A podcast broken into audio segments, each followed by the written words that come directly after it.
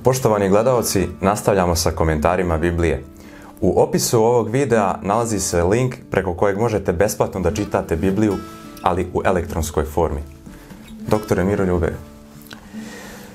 Dragi prijatelji, a, pre nego što krenemo da čitamo, da vam kažem da su nam se javili neki gledalci koji su imali prigovor zato što iskaču reklame tokom komentara Biblije, tako da smo ovaj, isključili monetizaciju, znači više neće biti reklama dok gledate ovaj program, znači neće iskakati reklame, nismo o tome razmišljali da će oni baš da ubacuju na, na 15 minuta, 8 reklama, znači na 2 minuta iskaču reklame, tako da smo ukinuli monetizaciju ovaj, na svim video materijalima vezano za komentare Biblije i na a, video materijalima gde odgovaramo na pitanja. U prošloj emisiji smo završili sa petom, sa petim poglavljem prve knjige Mojsijeve i sada sledi opis događaja za vreme života Noja. Noja je vrlo bitna ličnost u istoriji, tako da Mile, molim te, pročitaj prvi pasus u šestom poglavlju prve knjige Mojsijeve. Kad su se ljudi namnožili na zemlji i kad su im se rodile kćeri, sinovi Božiji počeli su da primećuju kako su ljudske kćeri lepe, pa su ih uzimali sebi za žene, sve koje su izabrali. Tada je gospod rekao, neće moj duh doveka trpeti čoveka, jer je on samo telo, neka mu još 120 godina. Kao što sam rekao u jednoj prethodnih emisija, a, originalni tekst Biblije nije podeljen na poglavlja i na stihove, to je kasnije dodato. Kasnije je Biblija izdeljena na, u 12. veku na poglavlja i na stihove. I ovaj tekst koji smo sada čitali je povezan sa stihom koji je bio pre ovog teksta. To je 32. posljednji stih petog poglavlja gde kaže Noje je imao 500 godina i rodili su mu se sin Ham i Jafet. I onda kaže, kad su ljudi namnožili na zemlji i kad su im se rodile kćeri, sinovi Boži su počeli da primećuju kako su ljudske kćeri lepe. Pazite, sinovi Boži su primetili ljudske kćeri. Znači, nisu sinovi Boži primetili Bože kćeri, nego sinovi Boži ljudske kćeri. I vidjet ćemo kasnije iz, iz teksta da u sledećem stihu kasnije da su sinovi Boži počeli da se druže sa ljudskim kćerima. Znači, postoji nešto božansko i postoji nešto ovozemaljsko, ljudsko, palo, što nije povezano sa Bogom. Znači, Boži narod je počeo da se druži sa nemoralnim ženama i taj problem će postojati kroz celu istoriju kao jedan od najvećih iskušenja i najvećih problema sa kojima se suočava čovečanstvo, a to je preljuba. I ne samo preljuba, nego kada se ljudi koji drže do morala, koji drže do, do Boga, do Biblije, ne vode brigu s kim se žene i onda posljedica toga je da ta deca koja se rađaju bivaju vaspitavana od tih a, problematičnih žena i kao posljedica toga imamo veliko, veliku moralnu propast, o toj deci se ne brine. Naravno, postoji i ona druga kombinacija kada se a, Bože kćeri udaju za ne zna božce, za ljude koji nisu zainteresovani za Boga, za moralna pitanja i tako dalje. I opet onda one trpe veliki teror u porodici, iako ta opcija kada se pobožna žena uda za nekog paganina, ne zna božca, a, to je manje loša opcija za tu decu nego ukoliko se pobožan čovek oženi sa pagankom, sa ženom koja, koja, koja nije zainteresovana za biblijski moral, onda je to mnogo gora opcija. Jer ovde pobožna žena, pobožna majka, ipak je tu sa decom i može da se bori mnogo više nego što može jedan muškarac koji se oženi sa a, kćerima čovečijim. I dakle kaže, kad su ljudi namnožili na zemlji i kad su im se rodile kćeri, sinovi Boži počeli su da primećuju kako su ljudske kćeri lepa, lepe i da ih uzimaju sebi za žene, sve koje su izabrali. Znači, sve koje su izabrali i a, tada je gospod rekao, neće se moj duh doveka neće moj duh doveka trpeti čoveka, jer je on samo telo, neka mu je 120 godina. Znači, Bog svojim duhom deluje na ljudski duh. Mi smo govorili, kad smo čitali ovde tekst biblijski, da se čovjek sastoji iz tela i duha. I spoj tela i duha je duša. Bog svojim duhom deluje na naš duh. Znači, na naš duh deluje. A preko duha se deluje na telo. Jer duh je ono što pokreće telo. Kad mi ne bismo imali taj duh životni koji nam je Bog dao, naše telo ne bi moglo da se pokreće.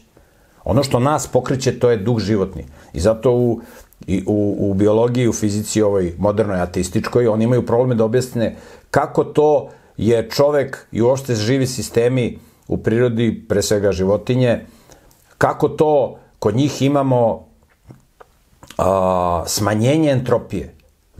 Šta to znači? To znači da se smanjuje a, količina energije koja ne može da se koristi. Znači, vi imate svuda raspad. Kuće se raspadaju, automobili se raspadaju, sve što je ma samo materijalno se raspada. A živi sistemi se razvijaju. I to prkosi zakonima fizi, ateističke fizike, ateističke biologije. Oni neće da prihvate i odbacuju da postoji duh životni koji pokreće naše telo. Koji pokreće naše telo. I to je vrlo bitno da mi, mi ne bismo mogli da razumemo biološke procese kad ne bismo znali da postoji taj duh životni. I taj duh životni je ono što pokreće naše telo. Duh životni je ono što čini da mi vidimo, da mi čujemo. Svetlost koja dolazi ovde od reflektora, ona se odbija od predmeta u ovoj prostoriji, ulaze u naše oko, ta svetlost, stvara se električni signal u našem oku i taj električni signal putem nerava dolazi u mali mozak. Kako je moguće da mi vidimo? Da li ćelije malog mozga mogu da vide? Ne, one vrše samo reprodukciju slike, ali onaj koji vidi, to je taj duh životni. Duh životni je taj, taj deo našeg bića koji osjeća dodir. Ne mogu mrtvi atomi da osjećaju dodir. Mrtve ćelije. Te ćelije su žive zato što postoji duh životni. One troše određenu energiju ali to nije dovoljno. I čoveku je dato da jede, da bude fizički aktivan, da brine o svom telu i o svom duhu. Ali Bog ga održava u životu. I Bog svojim duhom deluje na naš duh. Ne samo da a, nas održava u životu, nego Bog svojim duhom deluje na nas da preko savesti, preko jednog duhovnog čula nas podsjeća na ono šta je dobro, šta nije dobro. Ljudi koji su uporni da čine greh i nemoral, njima otupi savest i Bog sa njima ne može da komunicira. Bog svojim duhom ne može da komunicira sa ljudskim duhom kod čoveka koji je uporan da živi destruktivno i nemoralno. I sad ovde kaže, tada je gospod rekao, neće se moj duh, neće moj duh do, doveka trpeti čoveka. Znači, Bog svojim duhom deluje na duh čoveka. Ali ljudi odbacuju Boži duh. Odbacuju poziv savesti da ne rade loše stvari. Bez obzira što su naopak učenje od svojih roditelja. Svaki čovjek ima savest preko koga Bog deluje na, na njega, bez obzira koliko ga roditelji naopak uče i sredina. I Bog se bori. Kaže, neće se moj, neće moj duh doveka trpeti čoveka, jer je samo telo. Znači, čovjek je potpuno telestan, njegov duh životni je mrtav. On njega održava u životu. Ali on taj duh čovekov nije više entitet sa kojim Bog može da komunicira. Bog ne može da deluje na duh čoveka, jer čovjek postao potpuno telesan. I kaže, neka mu još 120 godina. Bog je dao još 120 godina ljudima na zemlji, a onda će se desiti nešto što, što zovemo, što je u Bibliji nazvano kao potop, o čemu ćemo uskoro da čitamo, ali je vrlo bitno da razumemo šta su uzroci potopa. Šta je glavni uzrok potopa? To je da su ljudi postali potpuno telesni. Da Bog više s njima ne može da komunicira. I to vi imate danas. Vi uopšte ne možete da komunicirate s ljudima o duhovnim stvarima. To njih ne interesuje, oni se smejavaju. Bog ne može s njima da komunicira. Jer su potpuno im je otupela savest. Ta duhovna komponenta je potpuno zamrla. Jer su toliko okoreli u grehu. E takva je bila situacija u vreme Noja. Čitamo dalje. U to vreme, a i kasnije, sinovi Boži imali su odnose s ljudskim kćerima i one su im rađale sinove na zemlji koji su bili divovi. Bili su to silni ljudi, ljudi na glasu, koji su živeli u staro doba. Dakle, ovde čitamo ono što je bilo i malo pre, kaže, sinovi Boži su imali odnose sa uh, ljudskim ćerima.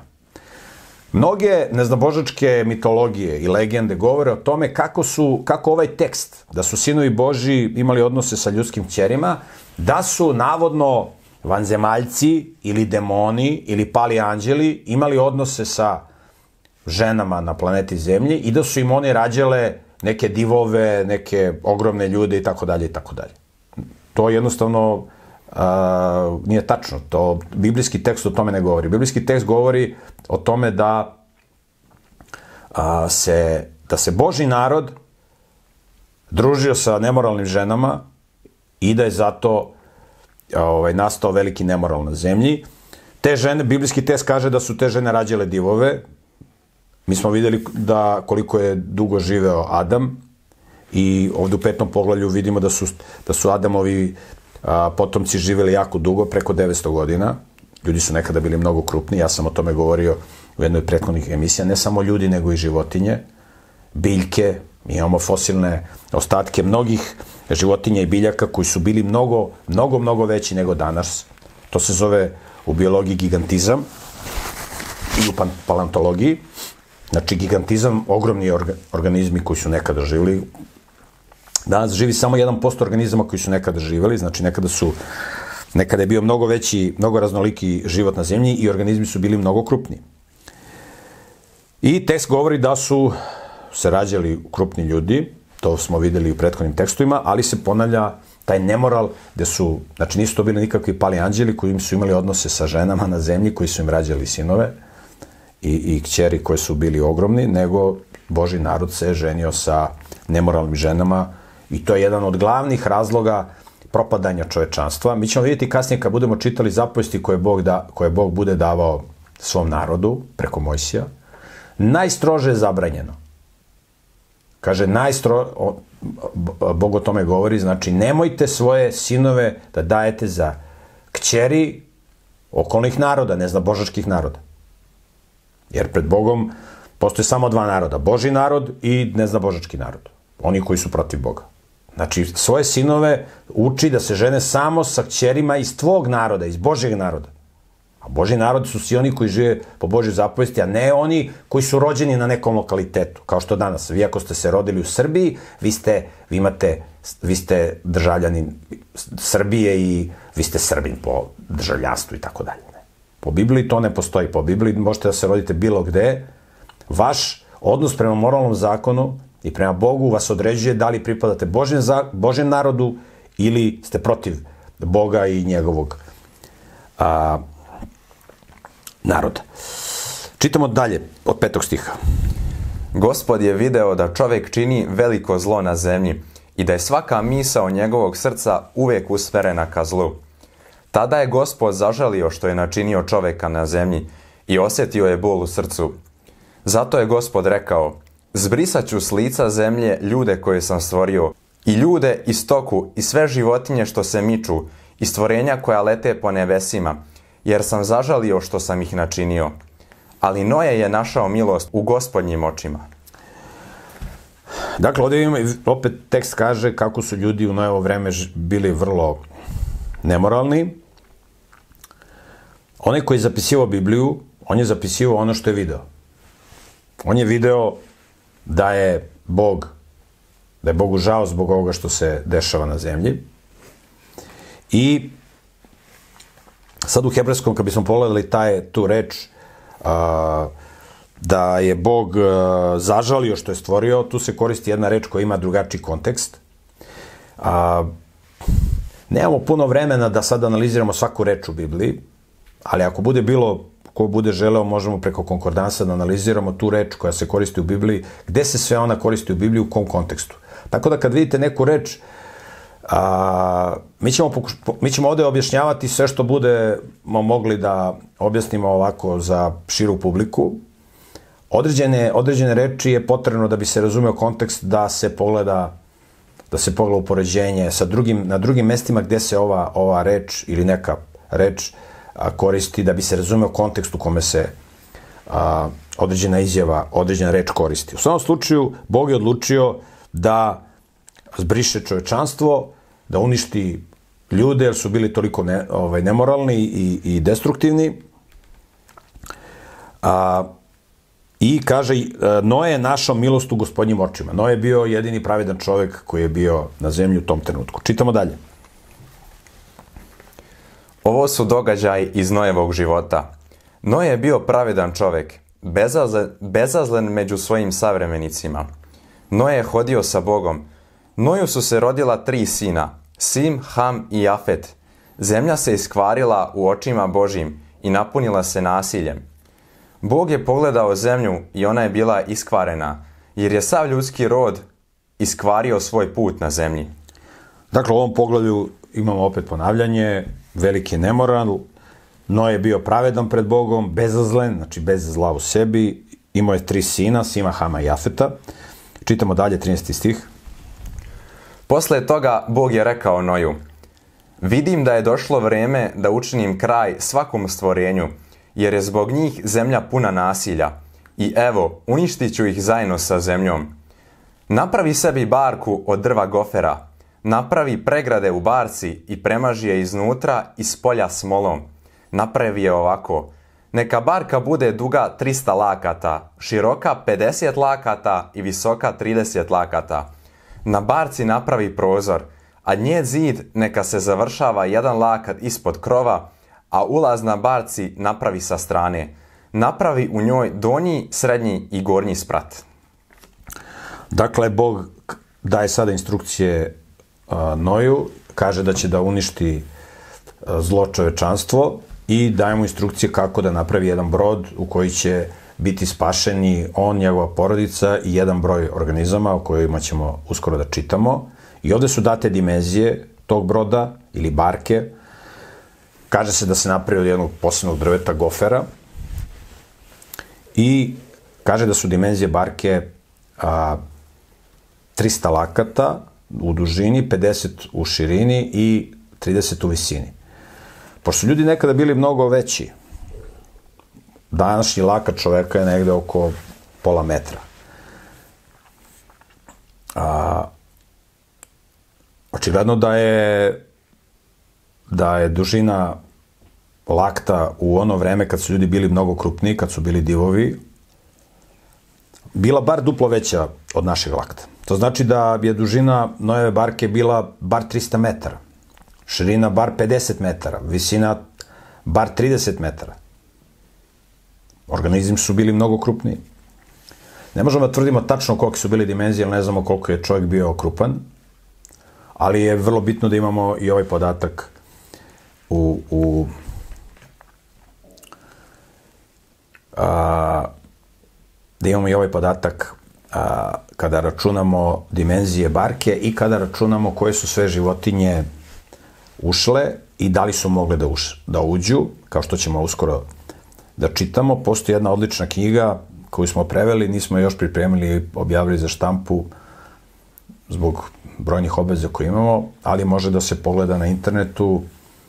A, jedan američki doktor nauka, John Woodmore je napisao knjigu Noeva barka a, studija izvodljivosti. Noah Ark a, Feasibility Study. a, ili feasibility studies. A, mislim da je tako u engleskom, a, možete da je pogledate i da je nabavite i u elektronskoj formi na internetu. A, dakle, ovdje imamo dimenzije barke koje je Bog dao Noju da napravi. Čitamo dalje. A ja ću pustiti vode potopa na zemlju, da unište svako stvorenje pod nebesima u kome je dah života. Izginuće sve što je na zemlji, a s tobom sklapam savez. Uđi u barku i s tobom tvoji sinovi i tvoja žena i žene tvojih sinova. U barku uvedi po dvoje od svakog stvorenja, od svake životinje da s tobom ostanu živi. Neka bude u muško i žensko, od stvorenja koja lete po njihovim vrstama i od stoke po njenim vrstama, od svih životinja što se miču po zemlji po njihovim vrstama, po dvoje neka uđu s tobom da ostanu živi. A ti uzmi sa sobom raznovrsnu hranu što se jede i čuva je kod sebe, pa neka služi za hranu i tebi i njima. No je učinio sve onako kako mu je gospod zapovjedio. Učinio je upravo tako. Dakle, Bog je rekao da će da izazove potop i da u tu barku koju mu je dao da pravi a, uđe po par od svih životinja. Vidjet ćemo u kasnijem izveštaju da a, je ušlo po par od svih nečistih životinja, a od čistih životinja po sedmoro. To ćemo uskoro da vidimo, ali u ovom izveštaju, ovako ovom pregledu, kaže se da uđe po par, izveštaj kaže po par od svih životinja i da uđe Noje, njegovi sinovi, njegova žena, njegovi sinovi i njegove snaje, žene njegovi sinovi, znači ukupno njih a, osmoro. I rekao je da uzmu jednu količinu hrane a, za sve te organizme. Inače, ono što je ovde važno da, da istaknemo jeste da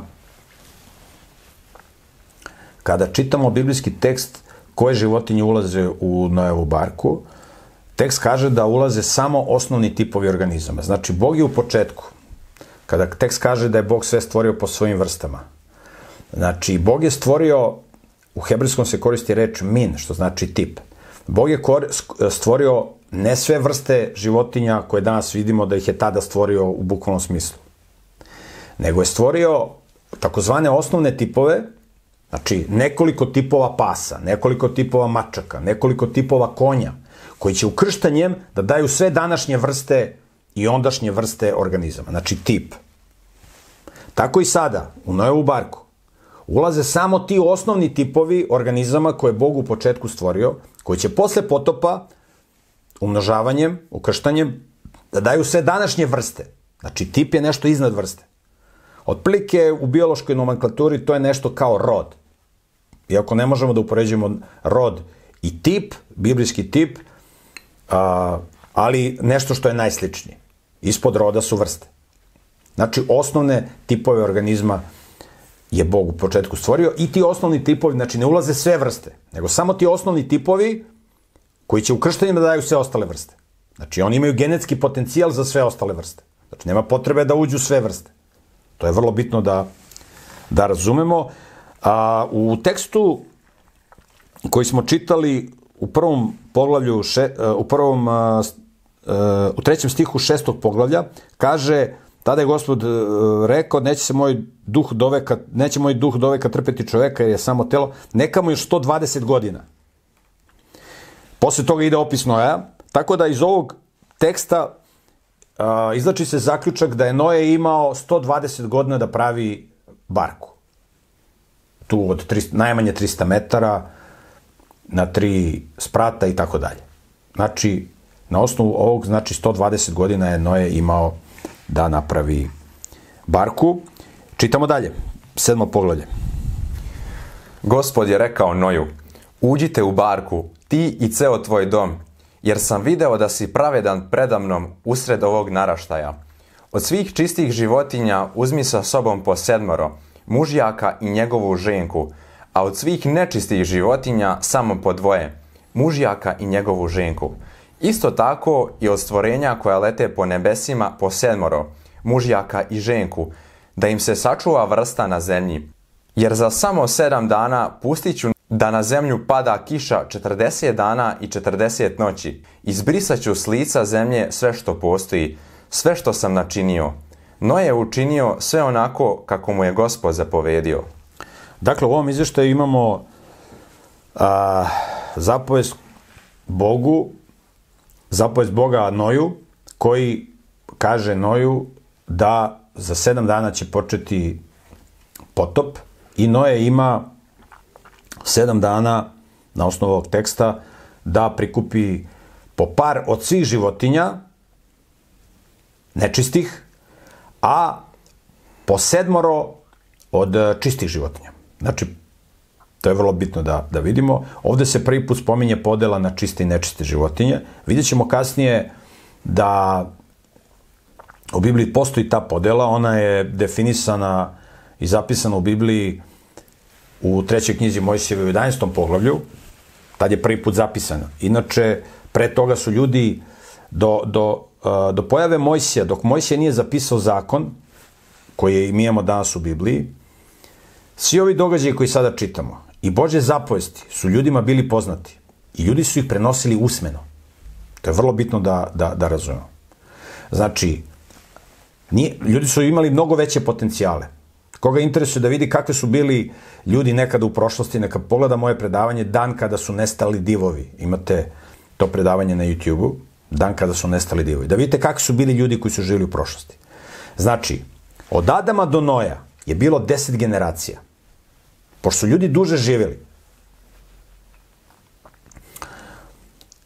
Noje nije pričao sa Adamom, ali Nojev otac je direktno mogao da priča sa Adamom, kad pogledate rodoslove, koliko su dugo živjeli. Kasnije ćemo vidjeti, znači, uh, Noje je mogao da uči od svog oca, koji je direktno pričao sa Adamom. I da čuje od njega šta se dešavalo tokom stvaranja sveta i tako dalje i tako dalje. Od Noja deset generacija je bio Avram. Avram je mogao direktno da priča sa Nojem. Vidimo da se oni uklapaju. Bez obzira što su bili deset generacija. Jer su mnogo duže živeli. Tako da u početku se sve usmeno prenosilo.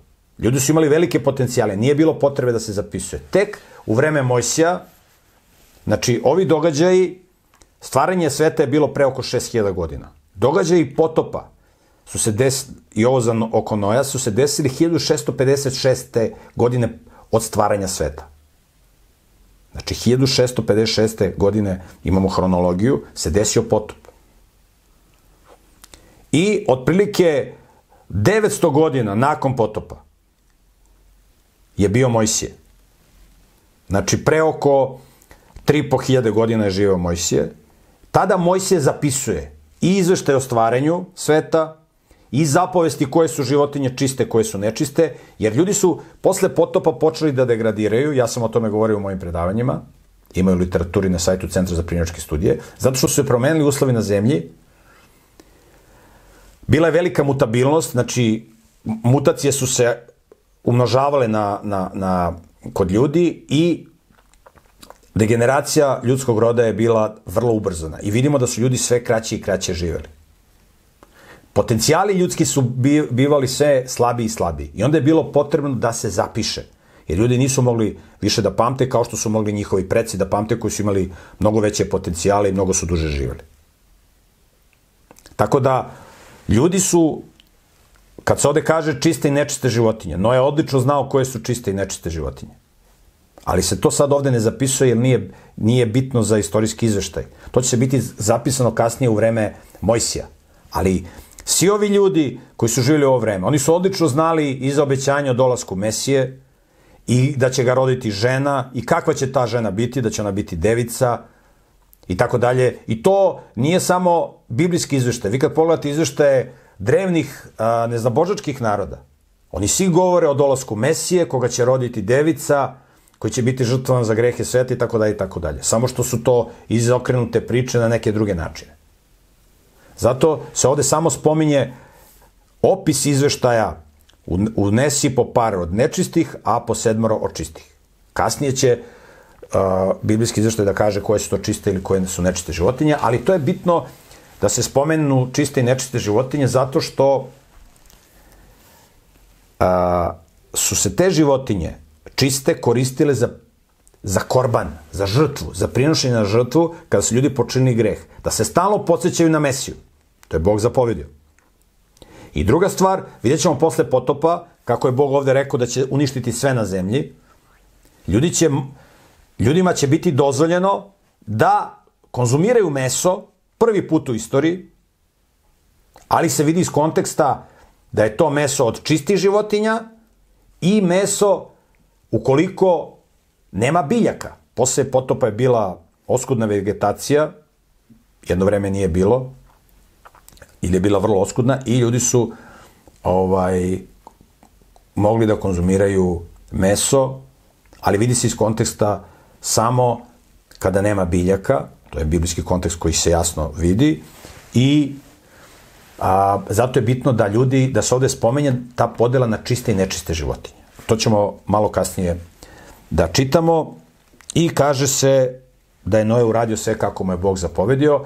Sigurno da nije Noe mogao, Noe imao velike potencijale. Da li je Noe sam mogao da uvede sve životinje u, u barku, ili mu je Bog u tome pomogao, to je tehničko pitanje. Mi se time nećemo baviti, to ćemo jednog dana saznati, ali u samom slučaju Bog je, Noe uradio ono što je bilo do njega, da u barku uđu, ali vidimo koji organizmi. Samo kopneni organizmi.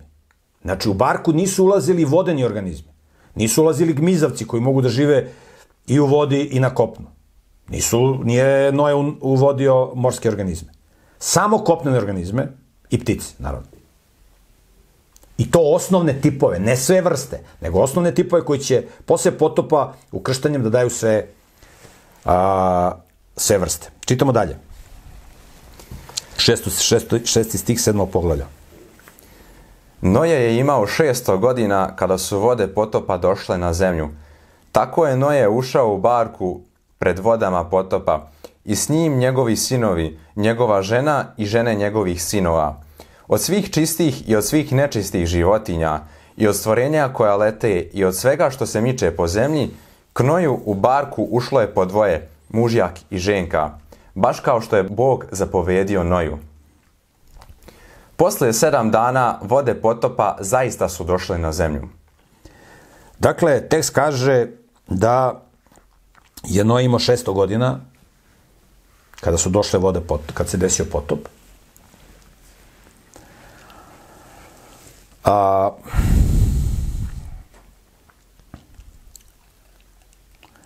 I da su ušle, ušla njegova porodica, znači njegova žena i njegovi sinovi i, njihov, i njegove snaje, žene njegovih sinova, i da su ušle sve ove životinje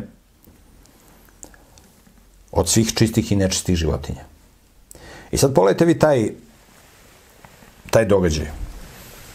Noe gradi jednu barku, razumete, jedan objekat, to je za ljude bilo šokantno. Šta ti to radiš, Noe? Jesi normalno? Sam mislite da pravi jedan takav objekat. I ljudi, sigurno su ljudi dolazili da ga pitaju šta to radi. On im je rekao šta radi. Ljudi doće potop. I to je nešto slično onome što imamo danas. To je vrlo važno. Isus kaže da će u posljednje vremena biti kao u Nojevo vreme. Kaže, ljudi će jesti, piti, ženiti se i udavati se. Znači, živeće ko ovi, ovi ljudi pre potopa. Znači, ješće i piće. To će biti smisao njihovog života. Da jedu i piju i da se žene i da se udaju. Znači, kao bakterije. Znači, samo da jedu i da se razmnožavaju. U stvari, bakterije se razmnožavaju. Ljudi se ne razmnožavaju, oni Prošle godine je izvršeno u svetu 42 miliona abortusa. Dakle, slično danas, vi ako krenete da da pravite kuću negde na selu, da napustite grad, da počnete da živite odvojeno od sistema, da se pripremate za novi potop koji dolazi. Vidjet ćemo kasnije, Bog je rekao da više nikad neće pustiti vod, uh, vodeni potop na zemlji. Ali to ne znači da neće biti potopa. Sledeći potop će da bude vatreni potop, ognjeni potop. I sad vi ako, ali biće tamo, ugla, biće tamo gde su nemoralni ljudi.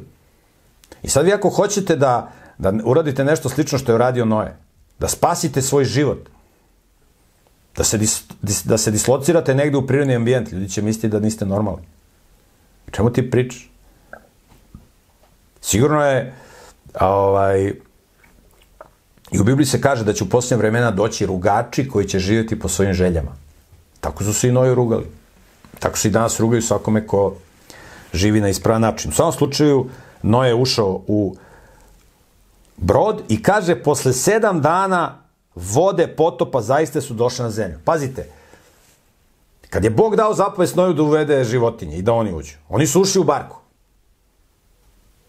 To je, to je bilo za jedan dan. Nije on njih skupljao sedam dana. Očigledno. Tekst kaže, posle sedam dana, kad su ušli, došli su vode potopa. Znači, oni su ušli u barku i sedam dana se ništa nije dešavalo. Oni su sedam dana čekali vode potopa. I sad zamislite ovo, ovi, ova okolna rulja, ovi neznabošci. Kaže, šta radite unutra? A izlazite napolje. šta si uzeo, šta mučiš te životinje? Nije samo što mučiš sebe, nego mučiš i tu decu i žene i Razumem, možda su bili ove, ove nevladne organizacije za ljudska prava, ovi, ovi evropski mediji, razumete. Evo ga, krši ljudska prava, maltretira životinje. Razum, možda je bila neka optužnica Međunarodnom sudu za terorizam i tako dalje. U tadašnjem Međunarodnom sudu. Sedam dana oni, oni sede i čuče u, u, u, u barci, u brodu. I posle sedam dana dolazi potop. Dolazi potop. Evo čitamo dalje tekst, 11. stih. Kad je Noje imao 600 godina, drugog meseca, 17. dana u mesecu, tog dana provalili su svi izvori ogromnog vodenog bezdana i otvorile su se brane na nebesima. Kiša je pljuštala na zemlju 40 dana i 40 noći. Tog dana Noje je ušao u barku i s njim njegovi sinovi Sim, Ham i Jafet, njegova žena i tri žene njegovih sinova. Oni i sve divlje životinje po svojim vrstama, sva stoka po svojim vrstama, sve druge životinje što se miču po zemlji po svojim vrstama, sva stvorenja koja lete po svojim vrstama, sve ptice i sva krilata stvorenja. I tako je knoju u barku ulazilo dvoje po dvoje, od svake vrste stvorenja u kome je dah života. Od svake vrste stvorenja ušli su mužjak i ženka, baš kao što je Bog zapovedio Noju. Zatim je gospod zatvorio vrata za njim. Dakle, opet imamo opis, ponavlja se još jedan put, oni su ušli u barku kada je Noje imao 600 godina i kaže se da je kada su ušli u barku, ovdje imamo još jedan dodatni izveštaj. Znači, ovdje imamo izveštaje o jednom događaju, nekoliko izveštaja o jednom događaju. Znači, jedan događaj se opis, opisuje više puta. I svaki put imamo neki novi detalj. Neki novi detalj. To ćemo kasnije vidjeti, taj obrazac zapisivanja je bitan za te najvažnije događaje u Bibliji. Zato što u Bibliji ćemo vidjeti da se ti neki najvažniji događaji opisuju više puta. I svaki taj sledeći opis ima još neki detalj.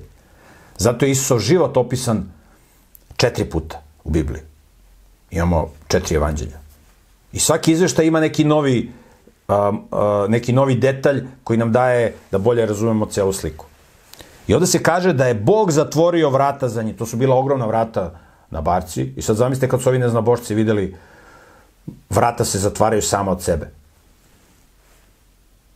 To je bilo čudo za njih. To je bio šok.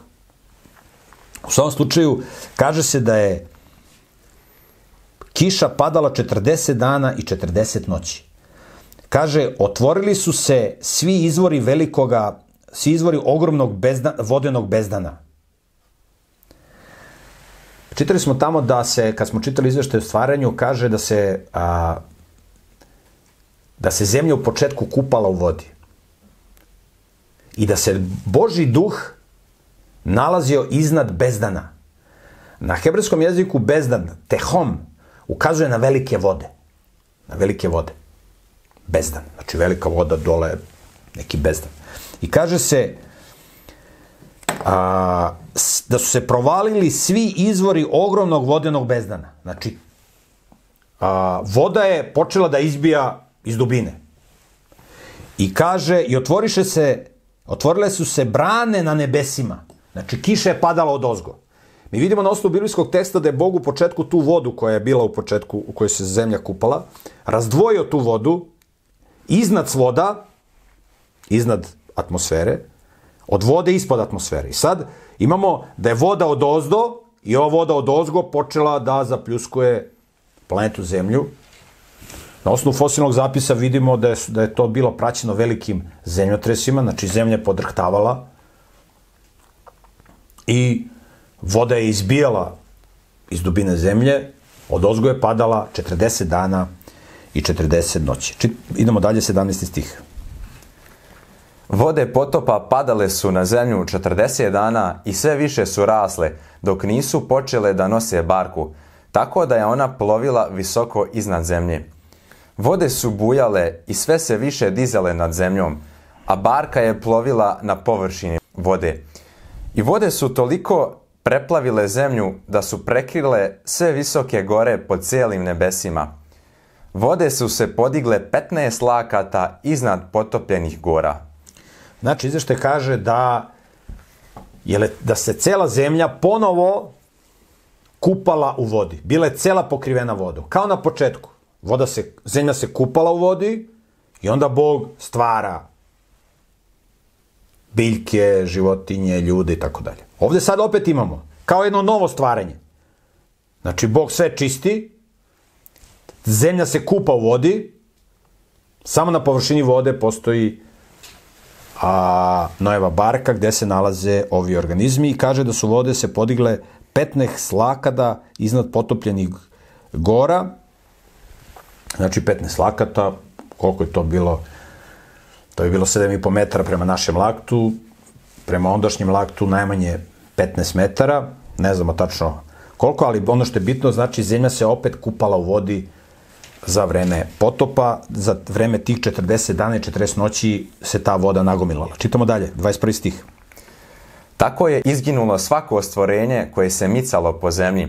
Stvorenja koja lete, stoka, divlje životinje, mnoštvo drugih stvorenja koja vrve po zemlji, kao i svi ljudi. Sve u čijim je nozdrvama bio dah života, sve što je bilo na kopnu izginulo je. Tako je on istrebio s lica zemlje sve što je postojalo, čoveka, divlje životinje, druge životinje što se miču i stvorenja koja lete po nebesima. Sve je bilo istrebljeno sa zemlje. Preživeli su samo Noe i oni koji su bili s njim u barci, a vode su prekrivale zemlju 150 dana. Dakle, kaže se da je u potopu uništeno sve što je bilo na licu zemlje. Znači, svi kopneni organizmi su bili uništeni. Vodeni organizmi nisu bili uništeni, on ovde govori o licu, na licu zemlje sve što je bilo. Znači, na, misli se na kopnene organizme. Mnogi vodeni organizmi su bili uništeni i mi danas pronalazimo veliki, velike količine a, ostataka morskih organizama. 95% svih fosila koje pronalazimo su a, morski beskičmenjaci. Znači, puževi, školjke, amoniti, brahiopode, foraminifere i tako dalje. Od ostalih 5% fosila. 95% čine ribe. Opet vodeni organizmi. Jer oni su bili prvi na udaru. Ja sam o tome pričao u mojim predavanjima. Zašto? Oni govorio sam o turbiditnim slojevima i tako dalje i turbiditnim ovaj, tokovima. Imate u mojim predavanjima, ima jedan jako dobar video na internetu, zove se Zapisi o potopu, koji radi od Geoscience Research Institute, ima prevod, taj video, gde ima jako lepo objašnjeno da vidite šta su to turbiditni tokovi. Možete da pogledate. Tako da, svi kopneni organizmi su uništeni. I ptice, kao kopneni organizmi. Vodeni nisu svi uništeni. Znači, svi ljudi, kopne život, znači divlje životinje, domaće životinje, kako ih on ovde zove, stoka, ptice, oni su bili uništeni i vode su prekrivale zemlju, znači bilo je 40, 40 dana i 40 noći a, padale kiša, voda iz dubina zemlje, zemljotres i tako dalje, je sve to pratilo. I onda je zemlja bila pokrivena vodom, kupala se vodi i tako je bilo 150 dana. Znači, posle 40 dana potopa, 40 dana i 40 noći, 150 dana je zemlja bila pokrivena vodom. Idemo dalje, osmo poglavlje. Zatim se Bog setio Noja i svih divljih životinja i sve stoke koja je bila s njim u barci, pa je pustio da zemljom duva vetar i vode su počele da opadaju. I zatvorili su se izvori vodenog bezdana i brane na nebesima, i tako je prestao pljusak s neba. Vode su se postepeno povlačile sa zemlje i nakon 150 dana nivo vode je znatno opao. A sedmog mjeseca, 17. dana u mjesecu, barka se zaustavila na brdima Ararata. Vode su i dalje opadale do desetog mjeseca. Desetog mjeseca prvog dana u mjesecu pojavili su se vrhovi gora. Dakle, nakon 150 dana, 40 dana, 40 noći potopa, 150 dana mirovanja, Bog je počeo polako da, vidjet ćemo kasnije iz teksta, bio je jedan kontinent tada na planeti Zemlji, koji je Bog počeo polako da izdiže, a okeanske basene da izdubljuje. I došlo je do formiranja planinskih venaca i izvešte kaže da su polako počeli da se pojavljuju vrhovi gora. Znači, taj jedan kontinent se polako izdiže, okeanski baseni se izdubljuju i polako, a barka se zaustavila na jednoj od tih planina koje su tada nastale, koja se zove Ararat. Ararat se nalazi danas ovaj, u Turskoj. Bili su neki koji su išli tamo i da traže na ovu barku. Bilo je razlik zanimljivih istraživanja. Tako da, idemo dalje. Znači, šesti stih. Tako je Noe posle 40 dana otvorio prozor na barci koji je bio napravio. Zatim je poslao Gavrana koji je odleteo i doletao sve dok se vode na zemlji nisu isušile. Kasnije je pustio golubicu da vidi da li su se vode povukle s površine zemlje. Ali golubica nije našla mesto gde bi stala svojom nogom, pa se vratila kod njega u barku, jer su vode još uvijek pokrivale celu površinu zemlje. On je ispružio ruku, uzeo ju je i uneo u barku. Onda je sačekao još sedam dana, pa je ponovo pustio golubicu iz barke. Predeče mu se golubica vratila i gle, u kljunu je imala tek otkinut maslinov list. I tako je Noe saznao da su se vode povukle sa zemlje. Onda je sačekao još sedam dana. Zatim je pustio golubicu, ali se ona više nije vratila. Dakle, Noeva barka je bila, za, uh, bila zaustavljena na planini Ararat i Noe je ispuštao ptice iz uh, barke da proveri da li a, postoji koliko, da li postoji kopno, kakvo je to kopno i prvo je pustio Gavrana, on se vratio, pa Golubicu ona se vratila jer nije imala gde da sigurno da Golubica će ostati negde u prirodi, neće da bude u, u, u zatvorenom prostoru u Barci. I posle 7 dana je Golubica donela list, a onda se više nije ni vratila i onda je uh,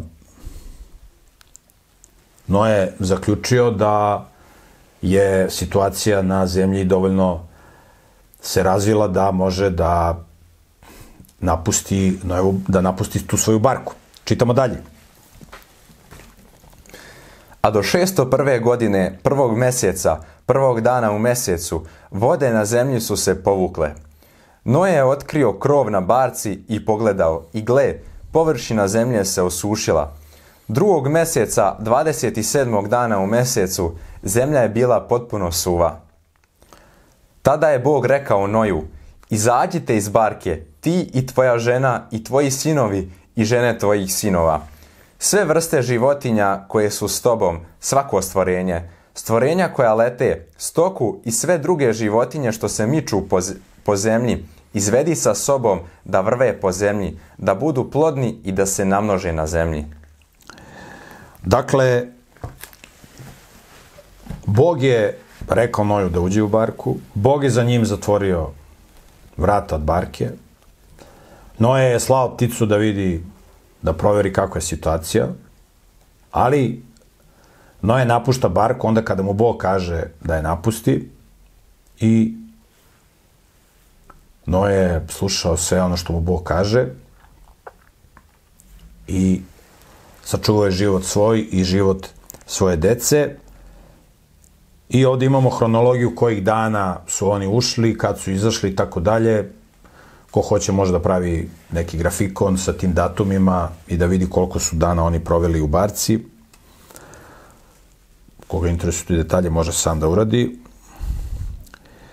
A, ali to nije toliko teološki bitno u ovom trenutku. A, čitamo 18. stih do kraja osmog poglavlja. Tada je Noe izašao i s njim njegovi sinovi, njegova žena i žene njegovih sinova.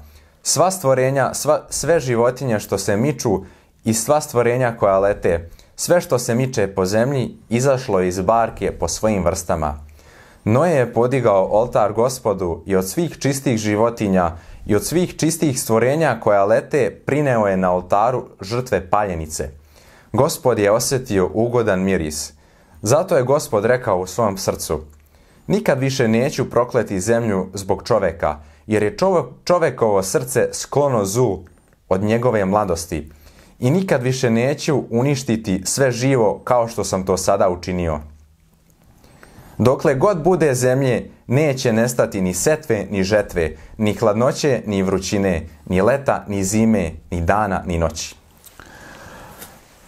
U ovom tekstu imamo nekoliko vrlo zanimljivih izveštaja na koje treba da obratimo pažnju. Znači, Noe izlazi iz barke sa svojom porodicom, izlaze životinje i ovde je, kaže se da je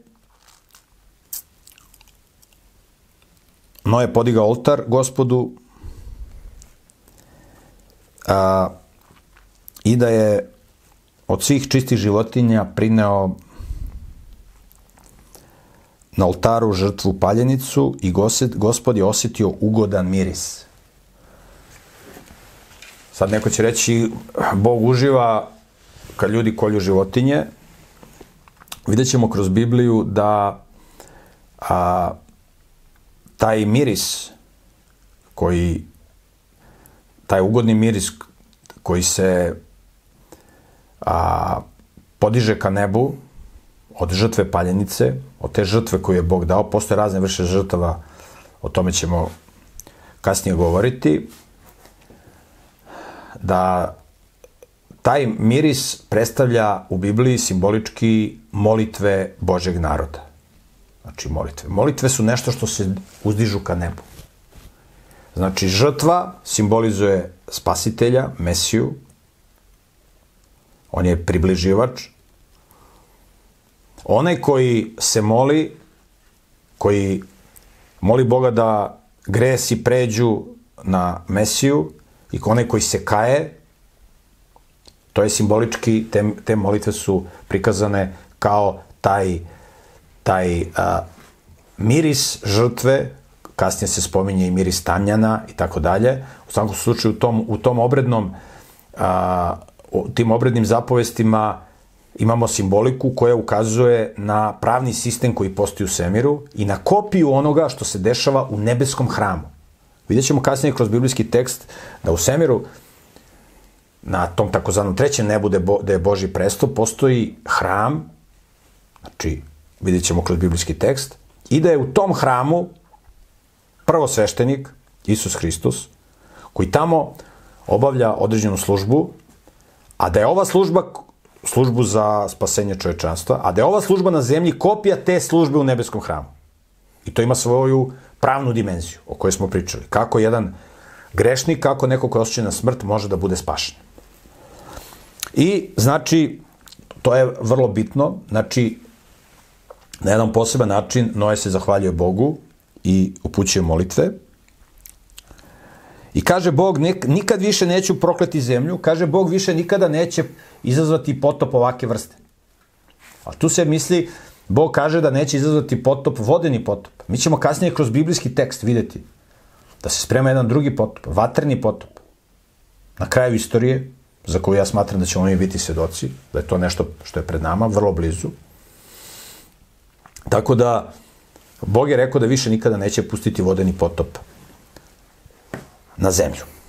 To je ono što je vrlo bitno. I još jedan moment, kaže, zato, uh, kaže posljednji stih osmog poglavlja, dokle god bude zemlje, neće nestati ni setve, ni žetve, ni hladnoće, ni vrućine, ni leta, ni zime, ni dana, ni noći. Prvi put se posle potopa pojavljuju godišnja doba. Znači, prvi put, kaže, stalno će biti leta i zimlje, hladnoće i vrućine. Toga nije bilo pre potopa. Sada, posle potopa, promenili su se uslovi na zemlji, ambijent na zemlji se promenio u negativnom smislu. U početku je klima bila ujednačena na svim meridijanima i to možemo da vidimo na osnovu ostataka fosila. Ja sam o tome govorio u predavanjama, ne bi ovde ponavljao, koga interesuje neka pogleda a, moja prethodna predavanja. Idemo dalje da završimo priču sa potopom i sa svim događajima koji su vezani za potop. Deveto poglavlje, idemo od početka. Bog je blagoslovio Noja i njegove sinove i rekao im, rađajte se i množite i napunite zemlju. Neka vas se boje i neka pred vama strahuju sva stvorenja na zemlji, sva stvorenja koja lete po nebesima, sve što se miče po zemlji i sve morske ribe. U vaše ruke sve to predato. Sve životinje što se miču i što žive neka vam služe za hranu, sve vam to dajem, kao što sam vam dao i svo zeleno bilje. Samo ne smete jesti meso s njegovom dušom, to jeste s njegovom krvlju. A i vašu ću krv, vaše duše, tražiti. Tražit ću je od svake životinje i od svakog čoveka. Od njegovog bližnjeg tražit ću čovekovu dušu. Kogod prolije čovekovu krv, i njegovo će krv proliti čovek, jer je Bog po svom obličju načinio čoveka. Rađajte se i množite se, neka vas bude mnogo na zemlji i napunite je. Ovdje imamo ponavljanje one prve zapovesti koje je Bog dao ljudima, to je rađajte se i množite se. I kaže, neka vas se boje i neka pred vama strahuju sva stvorenja na zemlji. Sva stvorenja koje lete po nebesima. Očigledno, na osnovu, na osnovu ovog teksta možemo da vidimo da pre potopa životinje nisu imale strah od ljudi, Znači, sve životinje su bile, ajde kažemo, pitome, čovjek je mogao s njima da se igra, da se druži i to je bio onaj ambijent iz početka. A kada spominjemo životinje, ja sam o tome govorio u, u mojim predavanjima, kako su mogle da prežive toliki vremenski period u barci. Rečeno je tamo da je Noe uneo jednu količinu hrane, sigurno da ta hrana ne bi, ne bi trebalo da bude dovoljna za za ceo taj period, skoro godinu dana koliko su oni proveli u barci, ali postoje biološki mehanizmi kako organizam može da provede dugi vremenski period bez hrane i bez vode. To se zove hibernacija, to je ono što zovemo zimski san. Tako da postoje biološki mehanizmi da objasnimo kako su životinje mogle da provedu tako dug vremenski period bez hrane i vode u, u barci, iako mi ne znamo sve detalje kako izgleda nova barka, koliko je hrane tu uneto i tako dalje i tako dalje. Ali ovde vidimo da prvi put posle potopa se životinje počinju da boje od ljudi i da beže od ljudi. To je jedan moment. Sledeći moment. Kaže Bog ovako. Sve životinje što se miču i što žive, neka vam služe za hranu. Sve vam to dajem kao što sam dao i svo zeleno bilje. Ovo je vrlo, vrlo bitno šta piše u originalnom tekstu. Dakle, Bog je u početku, čitali smo, stvorio svo zeleno bilje i piše da je to svo zeleno bilje dao životinjama da jedu. A ljudima je dao samo jedan deo od tog svog zelenog bilja da jedu. To je bilje koje nosi seme i drveće koje nosi seme. Kad su se ljudi pobunili, onda im je dao da jedu i zelje poljsko. Znači, svo zeleno bilje je dato životinjama, a deo od svog zelenog bilja je dato ljudima da jedu. Ovde se kaže, sve što se miče na zemlji, sve vam to dajem da jedete kao što sam vam dao svo zeleno bilje. Znači, kao što je Bog nekada dao ljudima da od svog zelenog bilja jedu jedan deo, tako je sada dao da od svog svih životinja koji se miču na zemlji mogu da jedu jedan deo. Ko je taj jedan deo? To su te čiste životinje koje se spomenju u Bibliji. To, to se ne vidi iz skoro svih prevoda, svi prevodi su jako loši što se tiče ovog teksta. Novi savrni prevod ovo korektno prevodi, ali je bitno da razumemo šta piše u, u originalu. Nije Bog nikad ljudima dao da jedu svo zeleno bilje. I on sad kaže, daje vam da jedete meso od životinja, kao što sam vam nekad dao da jedete svo zeleno bilje. Znači, Bog je ljudima nekada dao u okviru svog zelenog bilja jedan deo.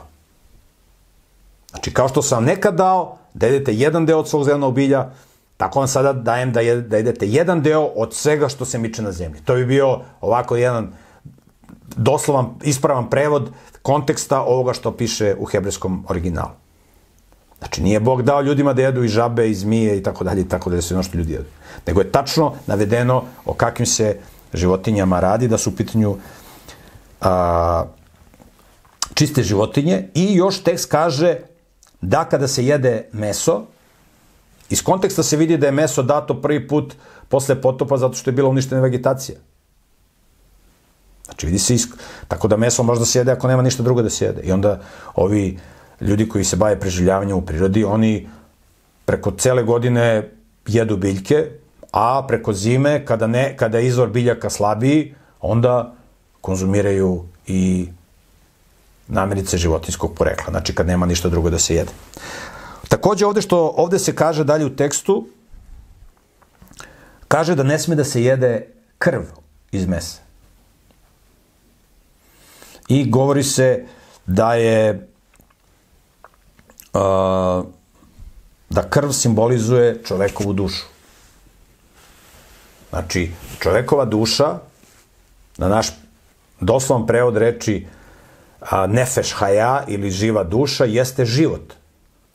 Znači, čovek ima život. Nema čovek dušu koja izlazi iz njega kad on umre. Čovek kad umre, iz njega izlazi duh životni koji je došao od Boga i taj duh, duh životni ide u jedan duhovni grob koji se zove ke, a, šeol na hebrejskom. A telo ide u fizički grob koji se zove kever. A duša ne postoji nakon smrti. Znači, ne izlazi duša iz tela, kao što mnogi misle.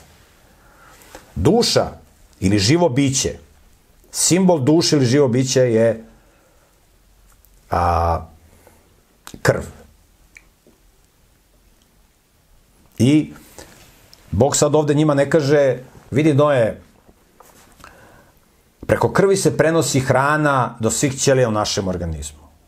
I zato što se preko krvi prenosi hrana, to ne kaže Bog Noju, zato što se pre, preko krvi prenosi hrana, a, tu negde ako iskrvariš, na, na, na, na krvi se odmah skupljaju bakterije koji postoju u, jednako suda oko nas i tu može da dođe do infekcije i tako dalje. To ne kaže ovaj, Bog Noje. Iako je vrlo moguće, Noje znao te biološke ovaj, momente, ali Bog kaže ovde u duhovnom aspektu da je krv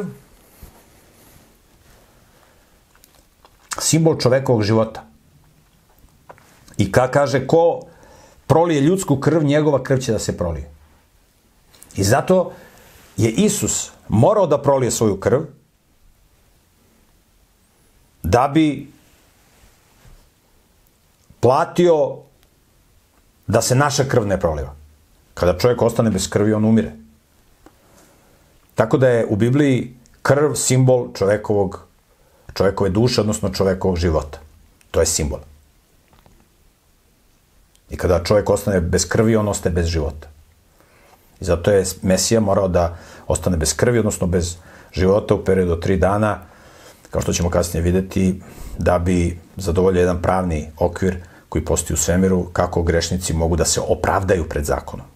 Postoji opravdanje i postoji spasenje. O tome ćemo kasnije govoriti kako se bude razvio biblijski tekst. Čitamo a, osmi. osmi stih.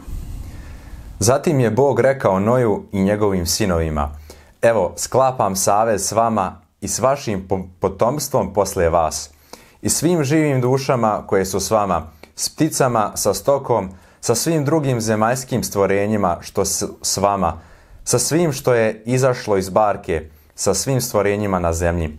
Sklapam savez s vama, nikad više nijedno stvorenje neće izginuti od voda potopa i nikada više neće biti potopa da opustuši zemlju. Dakle, Bog kaže, ulazim u savez sa vama, vi ste, vi živi, ti Noje živiš ispravno, moralno, i ja ulazim u savez sa tobom. znači u savez. Savez podrazumeva dvostruku obavezu. Znači, potpisuje se ugovor o savezu. Da bi taj savez mogao da funkcioniše, Noe treba da živi po Božim zapovestima. To je njegova obaveza. A obaveza Boga je da će da ga štiti na zemlji. I svako od nas može da uđe u savez sa Bogom, tako što će da izrazi želju da uđe u savez sa Bogom. Obaveze čoveka su da živi po Božim zapovestima, a onda obaveze Boga su da brine o čoveku. Ako čovek neće da živi po Božim zapovestima, Bog ne može na silu da, da, ga, da ga štiti ako čovek to ne želi. I sad da vidimo šta je znak saveza između čoveka i Boga. 12. stih. Bog je još rekao, ovo je znak saveza koji sklapam s vama i sa svim živim dušama koje su s vama, za sve nareštaje do veka. Svoju dugu stavljam u oblak i ona će služiti kao znak saveza između mene i zemlje. I kad god navučem oblak nad zemlju, tada će se u oblaku pojaviti duga. Ja ću se setiti saveza između mene i vas i svih živih duša svake vrste. I nikada više od voda neće nastati potop da uništi sva stvorenja. Duga će se pojaviti u oblaku i ja ću je videti i setit ću se saveza koji će do veka trajati između mene i svih živih duša, svih stvorenja na zemlji. Može si 17. stih. Bog je ponovo rekao Noju, ovo je znak saveza koji sklapam sa svakim stvorenjem na zemlji. Dakle, Bog ulazi u savez sa Noem, odnosno Noe ulazi u savez sa Bogom i Bog kaže više nikada neće biti potop na zemlji i da biste se sećali tog mog obećanja, da više nikad neću da uništim život na zemlji vodenim potopom, vidjet ćete kad pada kiša i kad grmi, znate ljudi kad čuju grmljavinu isprepadaju se, ovaj, vidjet ćete kad bude bila kiša, kad bude bila grmljena, vidjet ćete dugu, dugu u oblacima.